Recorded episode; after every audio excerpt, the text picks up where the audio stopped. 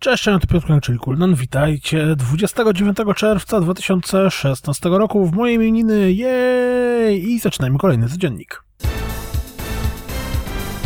Zwiastunem przedstawiono dodatek Underground, który jest już dostępny dla graczy bawiących się z Tom Clancy's The Division na Xbox One.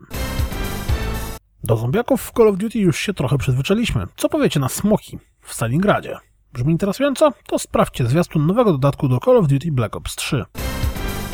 Były już zwiastuny z rozgrywką, czas więc na zwiastun premierowy. Hurt and Slash jest już dostępny na PlayStation 4 i Xbox One. Wersja PC ma pojawić się latem.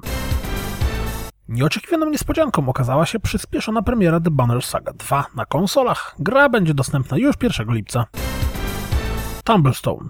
Tytuł pewnie nic wam nie mówi, dlatego obejrzyjcie ten zwiastun, zanim będziecie szukać jakichkolwiek informacji o grze.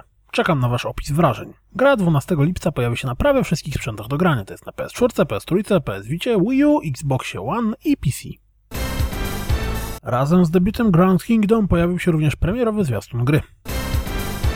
Kolejna premiera i kolejny premierowy zwiastun. Pharaonic, czyli mix RPG z bijatyką 2D, zawitał na PC i PlayStation 4. Lumo pojawi się na PlayStation Vita 5 lipca.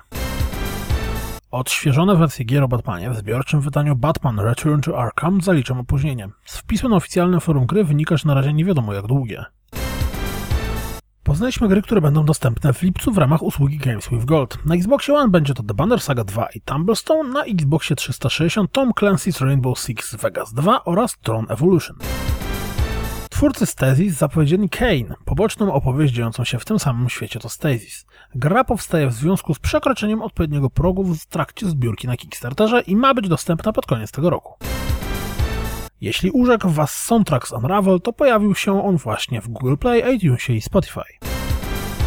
1 lipca 2017 roku usługa Xbox Fitness przestanie istnieć. Od dziś nie można już kupić żadnych nowych programów treningowych, a z dostępnych w ramach Golda korzystać można tylko do 15 grudnia tego roku.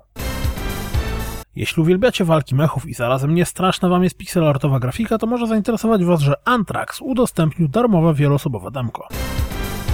Widzicie, że Valve zablokował możliwość kupna CSGO jako giftu w trakcie trwającego Summer Sale? Czyżby była to praktyka mająca walczyć z hurtowniami kluczy?